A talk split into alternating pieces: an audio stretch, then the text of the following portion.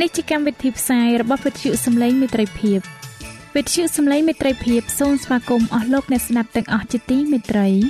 នាងខ្ញុំសេកសុចិន្តាវតីហើយខ្ញុំបាទអង្ចាន់វិជ្ជៈក៏សូមស្វាគមន៍លោកអ្នកស្ដាប់ទាំងអស់ផងដែរនៅពេលនេះយើងខ្ញុំមានសេចក្តីសុំមនស្សរីករាយដោយបានវិលមកជួបអស់លោកអ្នកនាងកញ្ញាអ្នកស្ដាប់សាជាថ្មីម្ដងទៀត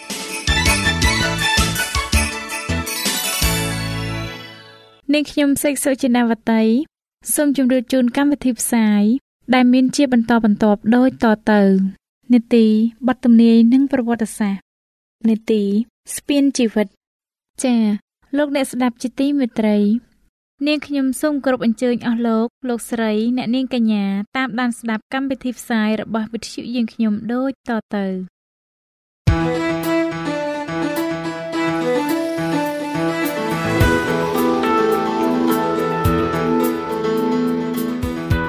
សូមជូននីតិបទទំនាយនិងប្រវត្តិសាស្ត្រ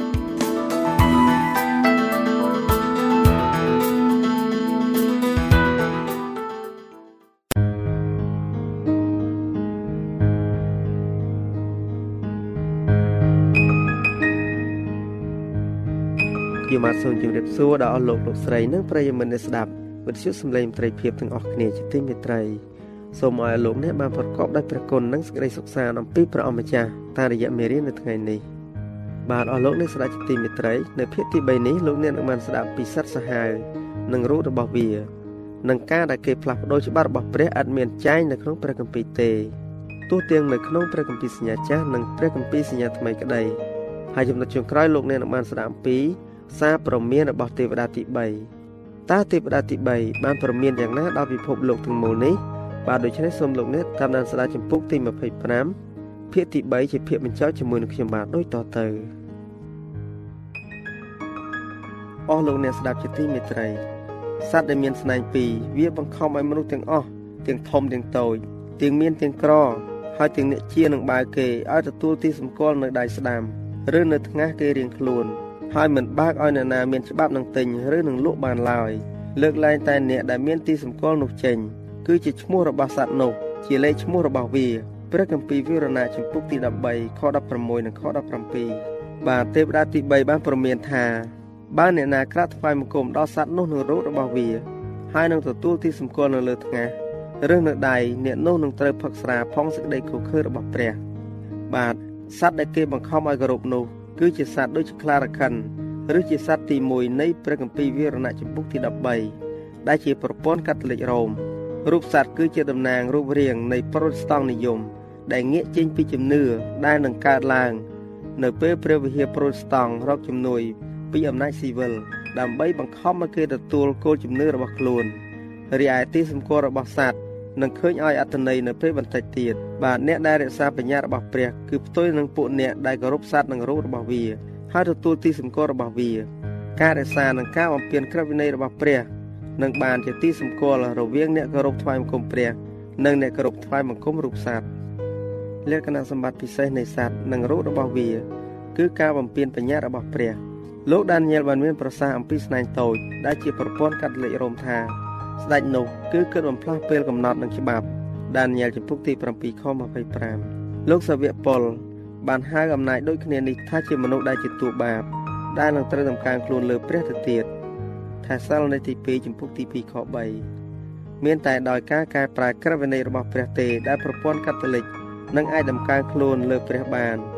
អ្នកណាដែលរក្សាក្រឹតវិន័យរបស់ព្រះ ដែលបានដឹងថាគេបំផ្លាញប្រែនោះនឹងផ្ដល់កិត្តិយសដ៏ឧត្តមដល់ក្រឹតវិន័យរបស់លទ្ធិកាតូលិករ៉ូមហើយជាទីសម្គាល់នៃសេចក្តីស្មោះត្រង់ដល់បាបជាជាងដល់ព្រះ ប្រព័ន្ធកាតូលិករ៉ូមបានរកបំផ្លាញប្រែក្រឹតវិន័យរបស់ព្រះ បញ្ញត្តិទី4ត្រូវបានបដូរដើម្បីឲ្យគេគោរពថ្ងៃទី1ជាជាងថ្ងៃទី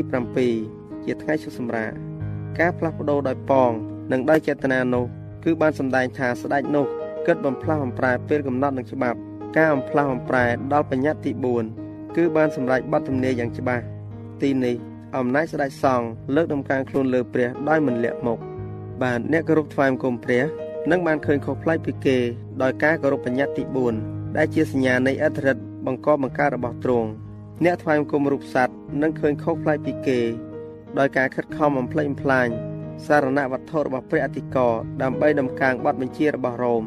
គឺដោយសារការយកថ្ងៃអាទិត្យមកធ្វើជាថ្ងៃរបស់ព្រះអម្ចាស់នោះឯងបានជាលទ្ធិកាតូលិករ៉ូមពូលពាក្យអះអាងដ៏ក្រអឺតនោះប៉ុន្តែព្រះគម្ពីរបានចង្អុលទៅថ្ងៃទី7ថាជាថ្ងៃរបស់ព្រះអម្ចាស់ព្រះគ្រីស្ទបានមានបន្ទូលថា កូនមនុស្សជាម្ចាស់នៃថ្ងៃឈប់សម្រាកមកកុសចំពុកទី2ខ28សូមអស់លោកអ្នកអានបន្ថែមនៅព្រះគម្ពីរអេសាយចំពុកទី58ខ13និងព្រះគម្ពីរម៉ាថាយចំពុកទី5ខ17រហូតដល់ខ19ការពោលអះអាងដែលច្រើនតែលើកមកថាព្រះគ្រីស្ទបានផ្លាស់ប្ដូរថ្ងៃឈប់សម្រាកហើយគឺបានបង្ហាញឲ្យឃើញថាខុសដោយព្រះបន្ទូលទ្រង់ផ្ទាល់អស់លោកអ្នកស្ដាប់ជាទីមេត្រី ការកែប្រែថ្ងៃបរិសុទ្ធរបស់ព្រះឥតមានចែងនៅក្នុងព្រះគម្ពីរសញ្ញាថ្មីទេក្រុមប្រូតេស្តង់បានស្គាល់ថាព្រះគម្ពីរសញ្ញាថ្មីឥតមានចែងទល់សោះអំពីបទបញ្ជាដ៏ច្បាស់ណាមួយចំពោះថ្ងៃឈប់សម្រាកថ្ងៃអាទិត្យជាថ្ងៃទី1នៅក្នុងសប្តាហ៍ឬអំពីវិន័យច្បាស់លាស់ណាមួយសម្រាប់រក្សាថ្ងៃឈប់សម្រាកឡើយមកដល់ពេលវេលានៃការសកលរបស់ព្រះគ្រីស្ទគ្មានការផ្លាស់ប្ដូរថ្ងៃទេ ហើយបើតាមឯកសារវិញវាបង្ហាញថាពួកសាវកពុំបានចេញសេចក្តីបញ្ជាជាក់លាក់បង្គាប់ឲ្យលះចោលថ្ងៃទី7ជាថ្ងៃឈប់សម្រាកហើយគោរពនៅថ្ងៃទី1នៃសប្តាហ៍ទេពួកកាតូលិករ៉ូមបានទទួលស្គាល់ថាការផ្លាស់ប្ដូរថ្ងៃឈប់សម្រាកត្រូវបានធ្វើដោយព្រះវិហាររបស់គេហើយពោលថាដោយគោរពថ្ងៃអាទិត្យពួកប្រូតស្តង់គឺទទួលអំណាចរបស់ព្រះវិហារគេហើយ គេបានថ្លែងថានៅក្នុងក្រឹតវិន័យចាស់ថ្ងៃសៅរ៍គឺជាថ្ងៃ ដែលបានញែកចេញជាបរិសុទ្ធប៉ុន្តែព្រះវិហារដែលបានបង្គាប់ដោយព្រះគ្រីស្ទនិងដឹកនាំដោយព្រះញាណបរិសុទ្ធបានបដូរថ្ងៃសៅរ៍ទៅជាថ្ងៃអាទិត្យវិញ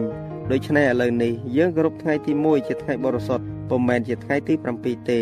ថ្ងៃអាទិត្យឥឡូវនេះមានន័យថាជាថ្ងៃរបស់ព្រះអម្ចាស់នេះបើតាមការអះអាងរបស់ព្រះវិហារប្រូតេស្តង់ពួកអ្នកនិពន្ធកាតូលិកបានលើកអំពីការផ្លាស់ប្ដូរថ្ងៃឈប់សម្រាកទៅថ្ងៃអាទិត្យដែលពួកប្រូតេស្តង់មិនដែលចំទាស់នោះ ថាជាទីសម្គាល់នៃអំណាចរបស់វិហារកាតូលិកពីព្រោះដោយរក្សាថ្ងៃអាទិត្យគេទទួលស្គាល់អំណាចរបស់ព្រះវិហារឲ្យប្រសិទ្ធពិធីជប់លៀងនិងឲ្យបញ្ជាគេធ្វើបាបទៀតផងបើដូច្នេះតើការផ្លាស់ប្ដូរថ្ងៃឈប់សម្រាកគឺជាអ្វីទៅ ក្រៅពីគ្រាន់តែជាសញ្ញាឬជាទីសម្គាល់នៃអំណាចរបស់វិហាររ៉ូមនោះបាទគឺជាទីសម្គាល់របស់សត្វទីដឹងវិហាររ៉ូមពុំដែលលះបង់ចោលសេចក្តីអះអាង ចង់បានអំណាចគ្រប់គ្រងឡើយ នៅពេលដែលពិភពលោកនិងវិហារប្រូតេស្តង់ទទួលថ្ងៃឈប់សម្រាកដែលព្រះវិហាររ៉ូមបានបង្កើតនោះក្នុងពេលដែលគេបដិសេធថ្ងៃឈប់សម្រាកនៃព្រះគម្ពីរពួកគេប្រៀបដូចជាអ្នកទទួលស្គាល់នៅអំណាចគ្រប់គ្រងរបស់វិហាររ៉ូមដូច្នោះដែរនៅក្នុងការប្រព្រឹត្តដូចគ្នានេះគឺគេបំភ្លេចគោលការណ៍ដែលញែកពួកគេចេញពីរ៉ូមហើយហើយថាមានតែព្រះគម្ពីរតែមួយគត់គឺជាសាសនានៃពួកប្រូតេស្តង់ នៅពេលដែលចលនានៃការចេញច្បាប់ឲ្យគោរពថ្ងៃអាទិត្យទាក់ទាញចិត្តមនុស្សកាន់តែច្រើនឡើងនោះពិភពប្រូតេស្តង់ទាំងមូលនឹងស្ថិតនៅក្រោមនឹមរបស់រ៉ូមនៅទីបំផុតជាប្រកាសពួកអ្នកកាន់សាសនារ៉ូមបានថ្លែងថាការដែលពួកប្រូតេស្តង់គោរពថ្ងៃអាទិត្យក៏ដូចជាគោរពដល់អំណាចនៃវិហារកាតូលិកដូច្នេះទោះបីជាគេមានជំនឿខុសឆ្គងក៏ដោយការបង្ខិតបង្ខំឲ្យមានភារកិច្ចគោរពសាសនាដោយអំណាចលោកីនិងបង្កើតរូបសត្វម្ល៉េះហើយការចេញច្បាប់ ឲ្យរក្សាថ្ងៃអាទិត្យក្នុងសហរដ្ឋអាមេរិកនឹងបានជាការចេញច្បាប់ឲ្យគោរពសត្វនិងរូបសត្វវិញពួកអ្នកគ្រីស្ទាននៃចំនួនដើមគោរពថ្ងៃអាទិត្យដោយគិតថាគេរក្សាថ្ងៃឈប់សម្រាករបស់ព្រះគម្ពីរហើយឥឡូវនេះ មានពួកអ្នកគ្រីស្ទានពិតប្រាកដក្នុងគ្រប់ព្រះវិហារដែលជឿស្មោះអស់ពីចិត្តថាថ្ងៃអាទិត្យជាថ្ងៃដែលព្រះបានដាក់ឲ្យមនុស្សគោរពព្រះទ្រង់នឹងទទួលស្គាល់សេចក្តីស្មោះត្រង់និងសេចក្តីសុចរិតរបស់គេប៉ុន្តែនៅពេលដែលគេចេញច្បាប់ឲ្យគោរពថ្ងៃអាទិត្យ ហើយពិភពលោកនឹងបានយល់ច្បាស់អំពីថ្ងៃជុសម្រាប់ពិតប្រកបនោះនោះពួកអ្នកណាដែលបំពេញសេចក្តីបង្គាប់របស់ព្រះ ដើម្បីស្ដាប់តាមសិក្ខាបទរបស់រ៉ូមនិងគោរពលទ្ធិរ៉ូមលើសព្រះហើយគឺគេគោរពវិហាររ៉ូមតែម្ដង គេគោរពសត្វនិងរូបរបស់វាមនុស្សនឹងទទួលស្គាល់សញ្ញានៃសេចក្តីស្មោះស្ម័គ្រដល់រ៉ូមដែលថាជាទីសម្គាល់របស់សត្វលុះដល់រឿងនេះបានលាតត្រដាងនៅចំពោះមនុស្សទាំងឡាយហើយគេ ត្រូវជ្រើសរើសរវាងបញ្ញារបស់ព្រះ និងបញ្ញារបស់មនុស្សនោះទៅអ្នកដែលនៅតែប្រព្រឹត្តរំលងនិងទទួលទីសម្គាល់របស់សត្វអស់លោកអ្នកស្ដាប់ជាទីមេត្រីជាបន្តទៀតសូមអរលោកអ្នកស្ដាប់អំពីការព្រមាននៃទេវតាទី3សេចក្តីភិតភ័យដ៏ខ្លាំងក្លាបំផុតដែលបានធ្វើឡើងដល់មនុស្សជាតិគឺមានតែនៅក្នុងព្រះរាជសាររបស់ទេវតាទី3 មនុស្សនឹងមិនត្រូវស្ថិតនៅក្នុងសេចក្តីងងឹតស្ដីអំពីរឿងដ៏សំខាន់នេះទេពីព្រោះសេចក្តីប្រមានត្រូវប្រទានដល់ពិភពលោកជាមុនសិនមុននឹងការជំនុំជម្រះរបស់ព្រះមកដល់ប្រយោជន៍ឲ្យមនុស្សទាំងអស់មានឱកាសដើម្បីកិច្ចខ្លួនបាន ទេវតាទី1ប្រកាសដល់គ្រប់ទាំងសាសគ្រប់ពូជអម្បូរគ្រប់ភាសាហើយគ្រប់ទាំងគ្រួសារដែរសេចក្តីប្រមាននៃទេវតាទី3នឹងមិនត្រូវសុសសាយតិចជាងមុនទេសេចក្តីប្រមាននោះគឺនឹងត្រូវប្រកាស ដោយសម្លេងយ៉ាងខ្លាំងហើយនឹងទាក់ទាញស្មារតីនៃពិភពលោកមនុស្សទាំងអស់គ្នានឹងត្រូវបានបែងចែកចេញជាពីរក្រុមអ្នកដែលរក្សាបញ្ញារបស់ព្រះហើយមានជំនឿទៅលើព្រះគ្រីស្ទនិងអ្នកដែលគោរពដល់សត្វនិងរូបរបស់វាហើយទទួលទីសម្គាល់របស់វាវិហារនឹងរត់នឹងរួមគ្នាដើម្បីបង្ខំឲ្យមនុស្សទាំងអស់ទទួលទីសម្គាល់របស់សត្វតែរាជរបស់ព្រះនឹងមិនបានទទួលទេហោរាសម្លឹងមើលទៅពួកអ្នកដែលបានឈ្នះសត្វនោះនឹងរូបវា ហើយនឹងលេខរបស់វាផង គេឃើញសរសេរនៅលើសមុទ្រកែវទៀងកាន់សុងរបស់ព្រះគ្រប់គ្នាវិវរណៈចម្ពោះទី15ខ2អស់លោកអ្នកស្ដាប់ជាទីមេត្រីចម្ពោះទី25បានដល់ទីបញ្ចប់ហើយសូមឲ្យអស់លោកអ្នកបានប្រកបដោយព្រះពរនិងសេចក្តីសុខសាន្តពីព្រះអម្ចាស់យេស៊ូវគ្រីស្ទអាមែន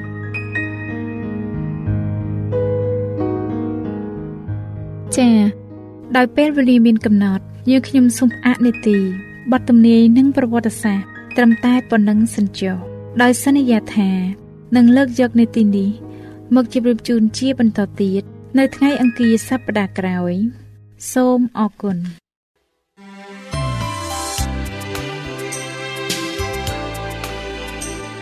វិទ្យុសំឡេងមេត្រីភាព AWR ជាវិទ្យុដែលនាំមកពីក្នុងការនាំព្រះរាជសាររបស់ព្រះជាម្ចាស់សម្រាប់លោកអ្នក។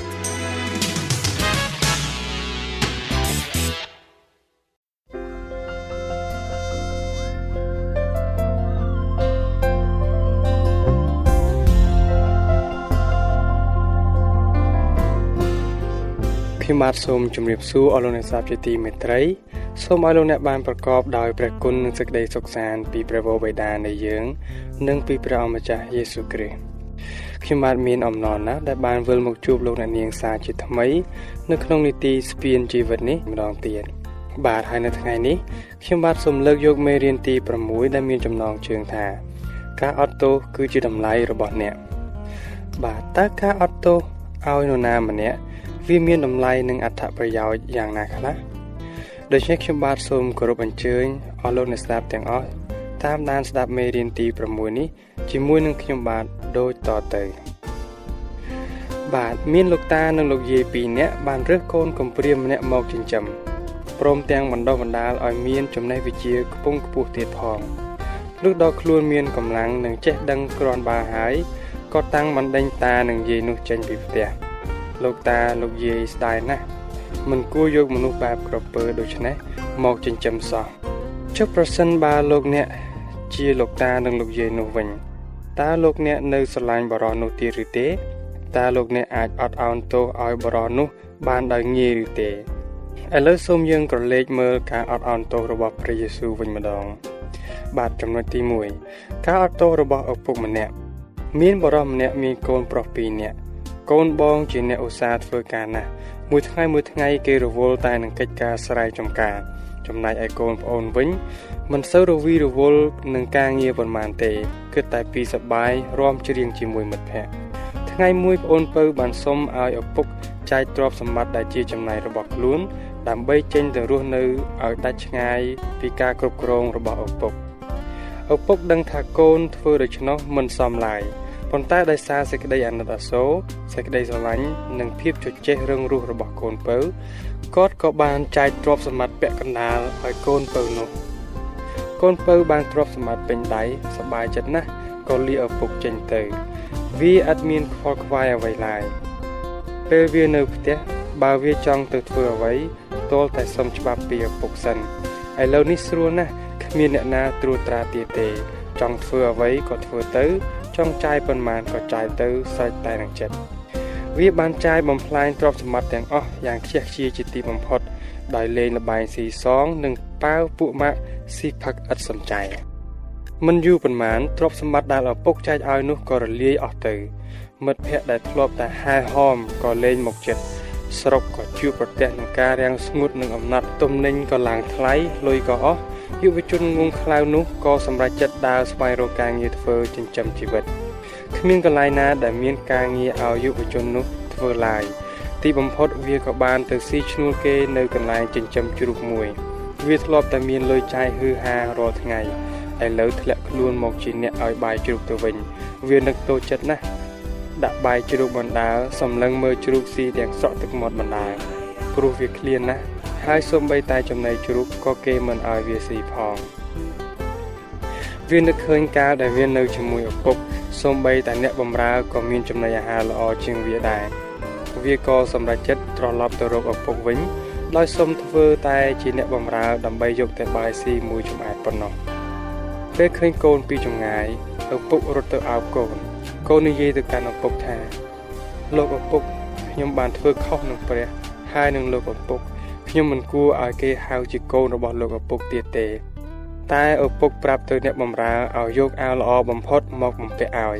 ហើយយកចិញ្ចៀននិងស្បែកជើងមកបំពាក់ឲ្យកូនព្រមទាំងឲ្យកាប់គោធ្វើពិធីជប់លៀងឲ្យកូនពៅនោះផងព្រះយេស៊ូវបានមានបន្ទូលពីរឿងនេះនៅពេលដែលទ្រង់កំពុងគង់សោយអាហារជាមួយមនុស្សមួយក្រុម ដែលគេសម្គាល់ថាជាអ្នកមានបាបគឺជាពពួកមនុស្សអាក្រក់ ពួកមេសាសនាក៏នាំគ្នារិះគន់ព្រះយេស៊ូវពីការដែលទ្រង់បានសោយអាហារជាមួយមនុស្សប្រភេទនោះ អ្នកមានបាបទាំងនោះក៏ប្រហែលជាមានការអៀនខ្មាស់យ៉ាងខ្លាំងចំពោះពាក្យសម្ដីនិងអំពើរបស់ពួកមេសាសនា ពួកគេប្រហែលជាគិតថា ដោយសារពាក្យសម្ដីរបស់មេសាសនាព្រះយេស៊ូវនឹងយាងចេញពីពួកគេទៅ តែផ្ទុយទៅវិញព្រះយេស៊ូវបានបង្ហាញថាព្រះវរបិតាបានស្រឡាញ់មនុស្សដែលធ្លាក់ទៅក្នុងអំពើបាបដូច្នេះ តើលោកអ្នកធ្លាប់មានអារម្មណ៍ដូចពួកអ្នកដែលមានបាបទាំងនោះដែរឬទេតើលោកអ្នកធ្លាប់មានអ្នកដតីមើលងាយនិងនិយាយបន្តបង្អាប់លោកអ្នកដោយសារលោកអ្នកបានធ្វើអ្វីមួយខុសដែរឬទេរឿងខាងលើអាចជួយឲ្យលោកអ្នកដឹងច្បាស់ពីព្រះハរតីរបស់ព្រះចំពោះលោកអ្នកនៅក្នុងបន្ទុករបស់ឪពុកកូនទាំងពីរមានអ្វីអ្វីទាំងអស់ដោយសារឪពុក ដូចជាចំណីអាហារសម្លៀកបំពាក់និងការរៀនសូត្រជាដើម ប៉ុន្តែកូនពៅមិនពេញចិត្តទេ វាមិនគ្រាន់តែមិនបានកោតសរសើរដល់ឪពុកទេ ថែមទាំងបានសុំមរតកពីឪពុក ដែលគាត់នៅមានជីវិតនៅឡើយផងការនេះកូនពៅហាក់ដូចជាមើលងាយឪពុកជាខ្លាំងតែឪពុកនៅតែស្រឡាញ់វាជានិច្ចត្រង់នេះហើយដែលព្រះយេស៊ូវបានប្រៀបធៀបទៅនឹងអំពើបាបដែលទាញយើងឲ្យកាន់តែឃ្លាតពីព្រះឆ្ងាយទៅឆ្ងាយទៅរហូតដល់ស្លាប់ចំណែកយើងគ្រប់គ្នាវិញក៏ដូច្នោះដែរ យើងបានទទួលអ្វីៗទាំងអស់ពីព្រះអង្គទ្រង់បានទ្រទ្រង់ជីវិតយើងរៀងរាល់ថ្ងៃទ្រង់បានប្រទានពន្លឺព្រះអាទិត្យទឹកភ្លៀងនិងខ្យល់ដកដង្ហើមមកដល់យើងគ្រប់គ្រប់គ្នា តែយើងបែរជាបំភ្លេចទ្រង់និងមិនបានកោតសរសើរទ្រង់ឬស្ដាប់តាមបង្គាប់ទ្រង់ឡើយផ្ទុយទៅវិញបែរជាយកជីវិតនិងកម្លាំងដែលទ្រង់ប្រទានមកនោះទៅបំរើតែសេចក្តីសប្បាយផ្ទាល់ខ្លួនវិញដោយចំណាយប្រកាសនិងពេលវេលាខ្ជះខ្ជាយដើម្បីបំរើផលប្រយោជន៍ផ្ទាល់ខ្លួន ឬគ្រួសារខ្លួន ដូចជាស៊ីផឹករំរែកឬគំនុំសងសឹកជាដើមជួនកាលយើងបានសូមព្រះនៅរបស់ដែលមិនល្អសម្រាប់យើងទៀតផងប្រសិនបើយើងរស់នៅដោយគិតតែពីប្រយោជន៍ផ្ទាល់ខ្លួន ហើយបដិសេធត្រង់ចោលនោះជីវិតយើងនឹងរស់នៅដោយគ្មានសង្ឃឹមរហូតដល់ស្លាប់បាទចំណុចទី2ការអត់ទោសរបស់ព្រះការអត់អោនទោសរបស់ព្រះតកតងទៅនឹងកត្តា3ខាងក្រោមនេះចំណុចទី2ក ការយល់ដឹងពីអំពើបាបនិងភាពត្រមងត្រមោចដែលកូនពៅបានស្គាល់នៅកំហុសរបស់ខ្លួន ដែលខ្លួនបានធ្វើឲ្យឪពុកឈឺចាប់និងដឹងថាគំនិតនិងផែនការរបស់វា ជាគំនិតមិនត្រឹមត្រូវឡើយវាបានដឹងថាវាគ្មានអ្វីនឹងសងដល់ឪពុកវាវិញទេ ហើយវាបានដឹងថា មានតែផ្លូវមួយគត់ដែលអាចជួយវាបាន គឺត្រឡប់ទៅផ្ទះវិញ ហើយសូមឪពុកធ្វើត្រឹមតែជាអ្នកបម្រើប៉ុណ្ណោះមិនមែនជាកូនដូចមុនឡើយ ចុះយើងវិញតើយើងបានឃើញថាយើងមានកំហុសជាមួយនឹងឪពុកយើង គឺដោយមិនធ្វើតាមច្បាប់របស់ព្រះអង្គនិងមិនទុកចិត្តលើព្រះអង្គដែរឬទេជួនកាលយើងទុកចិត្តខ្លួនឯងថាយើងល្អហើយមានកំហុសបន្តិចបន្តួចប៉ុណ្ណោះប៉ុន្តែបើយើងពិនិត្យមើលភាពបរិសុទ្ធរបស់ព្រះដោយប្រៀបធៀបនឹងយើងនោះទើបយើងដឹងថាអំពើបាបរបស់យើងដល់កម្រិតណាបើដូច្នោះតើលោកអ្នកមានការអស់សង្ឃឹមឬទេតើលោកអ្នកជ្រាបទេថាសេចក្តីសង្ឃឹមរបស់លោកអ្នក មានតែមួយគត់គឺទុកចិត្តទាំងស្រុងទៅលើសេចក្តីមេត្តាករុណារបស់ព្រះដែលជាព្រះវរបិតារបស់លោកអ្នកឬមួយក៏លោកអ្នកខំប្រឹងប្រែងរកបុណ្យកុសលដោយខ្លួនឯងឬមួយយើងដឹងថាព្រះមានគុណលើយើងហើយហើយខំធ្វើល្អដើម្បីសងគុណទ្រង់វិញទេ យើងមិនអាចទាំងសងគុណដល់ឪពុកម្ដាយបានគ្រប់គ្រាន់ផងទម្រាំដល់ព្រះនោះរឹតតែឆ្ងាយណាស់ទៅទៀតហើយព្រះគម្ពីរយេរេមៀជំពូកទី2ខ22បានសម្ដែងថា ត្បិតទោះបើឯងលៀងខ្លួនដោយក្បង់ហើយប្រើសាប៊ូជាច្រើនក៏ដោយគង់តែព្រះអម្ចាស់យេហូវ៉ាទ្រង់មានបន្ទូលថាអំពើទុច្ចរិតរបស់ឯងនៅមានកត់ជាប់ចំពោះឯងនៅឡើយដែរប្រសិនបើយើងដឹងដូច្នេះហើយតើយើងនឹងស្វែងរកជំនួយពីទ្រង់ឬនៅតែខំប្រឹងធ្វើល្អដោយខ្លួនឯងទៀតតើមានអ្នកជំងឺមហារីកប្រមាណអ្នកដែលខំព្យាបាលដោយខ្លួនឯងមិនព្រមឲ្យគ្រូពេទ្យវះកាត់នោះចំណុចទី2ខ ត្រឡប់ទៅរកឪពុកវិញដោយសុខទោសកូនពៅដឹងពីកន្លែងដែលគេត្រូវទៅ គឺគេមិនត្រឡប់ទៅរកផ្ទះអ្នកដទៃក្រៅពីឪពុករបស់គេឡើយដោយវាដឹងថាគ្មានអ្នកណាគេអាណិតមេត្តាវាឡើយតែវាសង្ឃឹមថាឪពុករបស់វាពិតជាមានសេចក្តីស្រឡាញ់ដល់វាហើយទទួលវាធ្វើជាអ្នកបម្រើចំណែកយើងវិញក៏ត្រូវស្គាល់នៅកន្លែងដ៏ច្បាស់លាស់មួយ ដើម្បីទៅសុំលន់តួបាបរបស់យើងដែរនោះគឺជាបញ្ហាដ៏ធំមួយចំពោះយើង ព្រោះបើយើងទៅខុសទិសដៅនោះគ្មានអ្នកណាអាចអត់ទោសឲ្យយើងបានឡើយហើយយើងនឹងត្រូវបាត់បង់ក្នុងសេចក្តីស្លាប់ដោយសារតែអំពើបាបរបស់យើងតែបើយើងទៅកាន់ទីដែលត្រឹមត្រូវនោះយើងនឹងមានអំណរដែលបានទទួលនៅការអត់អន់ទោសនិងការសង្គ្រោះហើយយើងដឹងថាមានតែម្នាក់គត់ដែលបានសគត់ជំនួសយើង គឺព្រះយេស៊ូវព្រះគម្ពីរអេសាយជំពូកទី43ខ10និងខ11បានបញ្ជាក់ថា គឺអញនេះហើយ ឥតមានព្រះណាកើតមកមុនអញទេ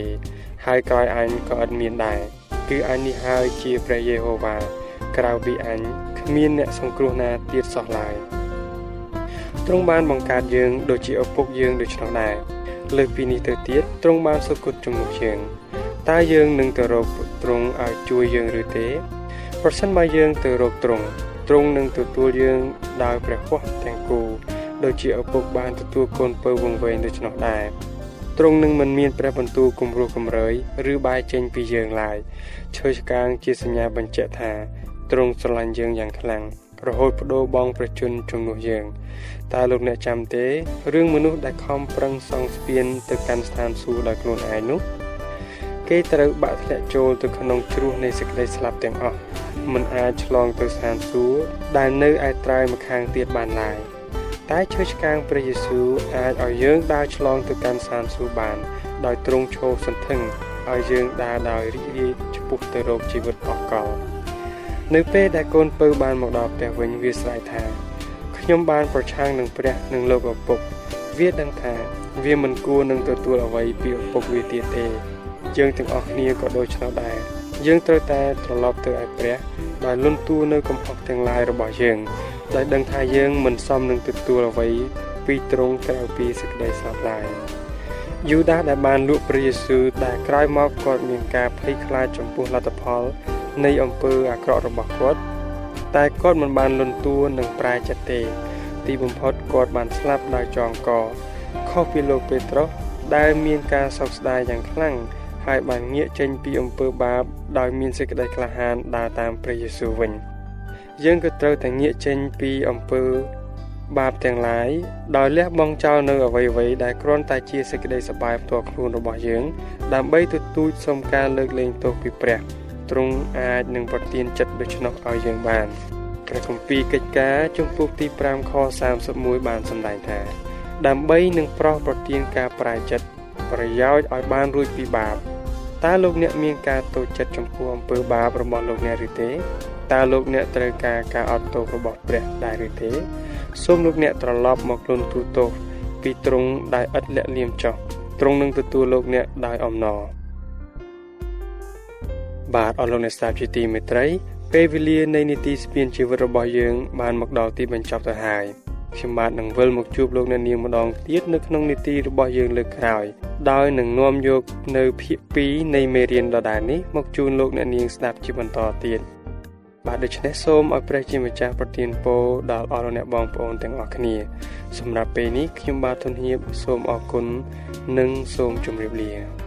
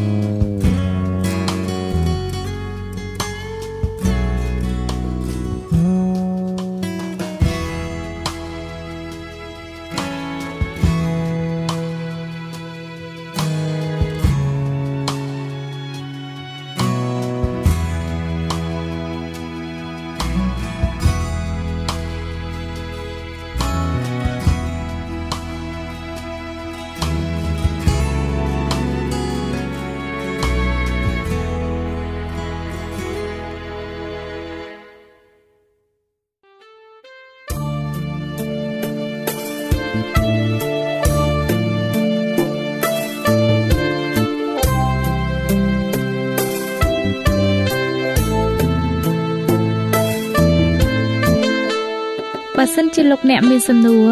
ឬសំណុំពរអ្វីសូមតាក់ទងមកការិយាល័យវិទ្យុយើងខ្ញុំ តាមអាស័យដ្ឋានផ្ទះលេខ15ផ្លូវលេខ568សង្កាត់បឹងកក់2ខណ្ឌទួលគោករាជធានីភ្នំពេញលោកអ្នកក៏អាចសរសេរសម្បត្តិផ្ញើមកយើងខ្ញុំ តាមរយៈប្រអប់សម្បត្តិលេខ488ភ្នំពេញឬតាមទូរស័ព្ទលេខ012 34 96 64ឬ097 80 81 060ឬក៏តាមរយៈអ៊ីមែល vol@awr.org យើងខ្ញុំរងចាំទទួលស្វាគមន៍អស់លោកអ្នកនាងដោយក្តីសោមនស្សរីករាយហើយលោកអ្នកក៏អាចស្ដាប់កម្មវិធីនេះឡើងវិញ ដោយចូលទៅកាន់ website របស់វិទ្យុយើងខ្ញុំ តាមរយៈអាស័យដ្ឋាន www.awr.org